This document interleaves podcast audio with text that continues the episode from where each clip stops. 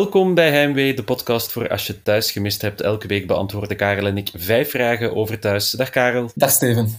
Vandaag vragen over het haar van Adil, de maag van Dieter en voor het eerst uh, een bonusvraag. Dus vijf vragen en een bonusvraag. Uh, maar eerst vat Karel de week samen in één minuut. Klaar, Karel? Ja, super klaar. Go.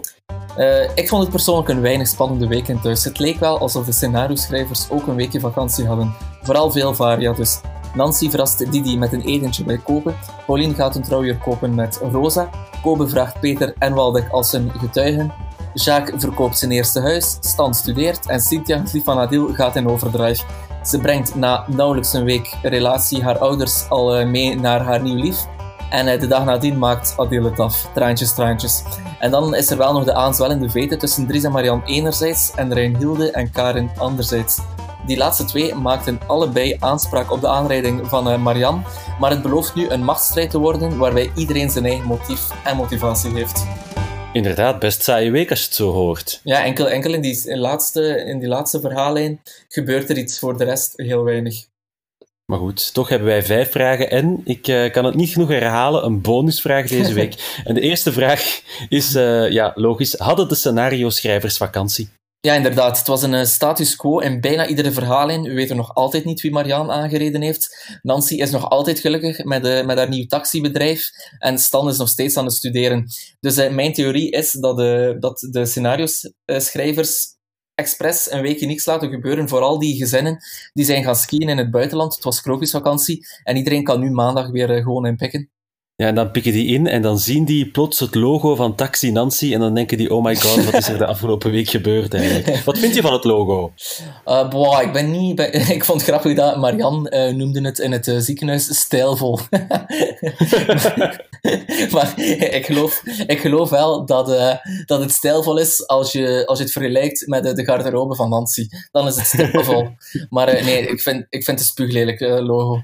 Maar ze heeft nu een sticker gekregen voor op de taxi te plakken en zo'n ding om aan de achterkant van haar zetel te hangen om papieren in te stoppen. Mhm. Dus dat logo, dat gaan we nog uh, genoeg zien de komende... Als, als Nancy gelukkig is, dan, uh, dan zijn wij ook gelukkig. De tweede vraag van de podcast deze week is een lichaamstechnische vraag over Adil. Waarom is Adil zijn haar meteen droog? En dan gaat het over het moment waarop hij eigenlijk bijna betrapt wordt met Cynthia in de douche bij de kabouters. Ja, en het haar van Cynthia, hè, roze, je, je, kan er, je kan er niet naast kijken, was overduidelijk, overduidelijk nog nat. Maar dan bij Adil zelfs geen druppel zo die nog langs zijn nek uh, weg. Allee, ik heb vroeger ook bros, uh, brosgaar, uh, ja, ja, ja, Want dat droogt snel toch? Ja, dat droogt supersnel. Maar zo snel, mm, ik, ik vertrouw het niet. Ja, maar heb jij ook al met een meisje met lang paars haar onder een douche gestaan? nee, dat heb ik nog nooit. Maar dat is, nee, dus... dat ik zet mijn andere voorkeuren. Uh, geel haar of groen waarschijnlijk. Zoiets, ja. Um, wat vinden we van die relatie van uh, Cynthia en Adil? Wel, ik, ik was uh, heel even bang dat we na het huwelijksaanzoek tussen Pauline en Kobe opnieuw een huwelijksaanzoek door een vrouw zouden hebben. Dus dat Cynthia Adil ging ten huwelijk vragen. Want hoe snel ging dit? Supersnel. Ja, ineens klop, klop, klop aan het appartement van Waldek en Adil. En wie stond daar? De twee ouders van van Cynthia. Volgens mij waren die nog geen tien dagen samen en, uh, en uh, het was al met, uh, met meenemen naar huis. Ja, dat zag je aan zijn gezicht dat hij het niet zo aangenaam vond. Wie het nee. wel meteen door had, was Eddie, die ook weer een aantal fenomenale uitspraken mm -hmm. bovenhaalde. Als daar zijn, het is niet omdat hij één keer haar pelouse heeft afgereden, dat hij het groot lot heeft gewonnen. Uh, en toch ook, hij gaat het afmaken, ik zie het aan zijn wezen. En uh, gelijk had hij. Het uh, uitmaken in Bar Madame is misschien ook niet de beste locatiekeuze. Nee, maar ja, het is, uh, ze zitten, allee, we kunnen niet maar moeilijk nog een café openen in thuis om uh, op een subtiele manier een relatie te beginnen. wel, uh, ik, ik, ik vind het wel een van de meest awkward relaties ooit in thuis. En dat, dat wil misschien zelfs meer awkward dan die keer dat Femke een relatie had met haar broer. Dus, ja. Dat ga je even moeten uitleggen, want toen keek ik nog niet, denk ik. Well, ja, um, Femke was op, verliefd geworden op een... eerst, eigenlijk eerst op een man en toen uh, bleek achteraf dat dat haar vader was. En dan um, wist ze dat Raphaël haar halfbroer was. En dan is ze daar toch iets mee begonnen. Dus dat eigenlijk, eigenlijk heeft Femke ooit bewust aan, aan incest gedaan. Derde vraag van deze week. Uh, heel interessante vraag. Hoe ver wonen Rosa en Jacques? Op een bepaald moment wou Nancy uh, Dieter verrassen. Ja. En nam ze Dieter dus mee en blinddoekte ze hem. En bleek het, ofwel was het zo ver en kon hij het geblinddoek niet aan dat hij moest kotsen, ofwel heeft uh, Dieter een heel slechte maag. Dat kan ook. Ja, ik denk dat, ik denk dat het echt ver is. Want we weten dus dat de, de, de Withoeve, die ligt volgens mij op ongeveer twee kilometer van, um, van uh, het, het, centrum, de Dreef in, uh, in Ternat. Ja. Um, omdat soms uh, ging um, Femke lopen uh, en dan liep ze tot bij Simon, die op de dreef woont. Dus dat, dat, is, dat is echt een, een afstand die te overbruggen is. Perfecte maar, afstand, ja. Ja, maar denk op twee kilometer, hoe lang is dat in de auto? Dus stel dat je gemiddeld 50 kilometer per uur mag rijden. Ja, want dat is een paar minuten. Want echt... je zal,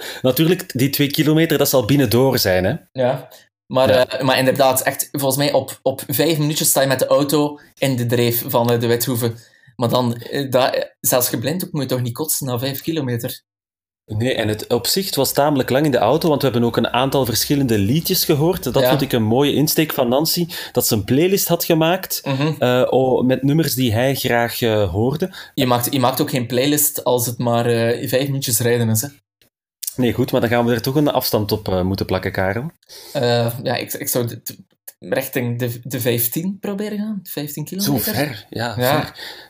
Ja, misschien, misschien komt er een van de komende weken nog een clue in uh, de reeks waardoor we weten hoe ver het gaat zijn. Nu, we hadden het over muziek, wat Nancy speelde uh, in de taxi voor Dieter. En ook een hele mooie muzikale touch was het, het afscheidsfeestje van de taxis, dat dan doorging in de Withoeve. Ja. Toen speelde op de achtergrond Jole Taxi. Ah, Jole Taxi, ja, dat heb ik gehoord. Ja. Dat heb ik gehoord. Mooi, mooi gehoord. Uh, mooi. Vierde vraag van de vijf vragen. En straks nog de bisvraag, maar vraag vier is: zou jij de getuige van Kobe willen zijn? Want hoe, hoe doet hij het toch? Dus uh, uh, Kobe vraagt twee mensen als getuige. hij vraagt het aan Peter, hij vraagt het ook aan Waldek, die toch nog, hij moet toch dringend eens aan die twee klanken werken. Ja, klopt, klopt. ik zou de getuige van Kobe niet willen zijn, trouwens. Maar waarom vraagt hij het aan hen? Ja, omdat Kobe geen vrienden heeft. Allee, hoe beperkt is zijn persoonlijke kring? Hij, heeft, allee, hij, heeft, hij vraagt zijn twee vrienden, maar het zijn ook zijn enige twee vrienden. Hij heeft nog, allee, en met een van de twee heeft hij ook al eens per ongeluk gemeld. Uh, is dat dan? Ja. En die, zijn, en die vrienden zijn ook gemiddeld 15 jaar ouder. Dus ik, ergens ooit, en misschien uh, heeft de invloed van zijn uh, mama wel, uh, Karen dan, veel gedaan. Maar ergens is toch hoe fout gelopen met, de so met het sociaal leven van Kobe. Uh, ja, dat zou je kunnen zeggen. Nu, natuurlijk, op vriendschap staat geen leeftijd, uh, Karel. Nee, klopt, klopt. Uh, dus ja, blij, blij voor hem en ook blij voor Peter en, en Waldek. Weten we al wie Pauline... Ah, Pauline heeft... heeft Louieke gevraagd. Ja. Natuurlijk. Ja. Hoe kan ik dat vergeten? Laatste vraag van deze week gaat ook over familiebanden. Hoeveel keer is het nu eigenlijk al aan en uit geweest tussen Marianne en haar kinderen. Dat gaat maar heen en weer. Ja, dit is misschien een, een vraag dat we in de groep moeten smijten, want dat is zo... Mm. Allee, het is... Ik vind, op den duur is het vermoeiend. Het is echt... Het is, of, of ze komt niet overeen met, met Anne, of ze komt niet overeen met de vriendin van Anne, of ze komt niet overeen met Tom, of ze komt niet overeen met de, eh, eh, met de vriendin van Tom. Het is, het is constant... Allee, ik denk per seizoen is het gemiddeld, denk ik, iedere maand, één keer, dus dat is tien maanden, is, ja, dat is tien keer op een jaar ruzie. Ja, en komt het nu weer goed? Dat is de vraag.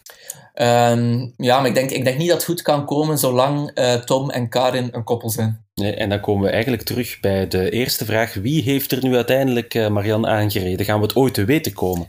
Um, ja, ik denk wel, uiteindelijk het zal wel dingetje zijn, hè, toch, Karin? Toch? Ik denk niet dat Reinilden is, ja. Maar zijn ze het niet... Want Karin had dan wat schade en dan zogezegd zou ze er per ongeluk tegengelopen zijn. Ik zet toch nog altijd geld op Reinilde. Ja? En, maar, ja. en, en dan, dan wel met kwaad opzet? Ja, toch. Ja, zeker. Okay. Reinilde zou misschien wel eens een, nieuw, een nieuwe slechterik kunnen zijn. Ja, dat, dat, geloof ik ook. Ja. De vorige vrouwelijke slechterik was, was Julia. Mhm. En dit is toch een, toch een ander type waarvan je niet meteen in het begin denkt, die is uh, compleet gaga. Dus ik zet mijn geld op uh, Reinilde dan. Oké, okay, ik volg. En voor het eerst een bonusvraag in Heimwee, de podcast voor als je thuis gemist hebt. Uh, de bisvraag deze week. Wanneer doet het coronavirus zijn intrede in thuis? Ik heb daar ook een theorie over. Ja? Dus Kaat, die zit op een boot of zat op een boot, is ondertussen ergens in Mongolië.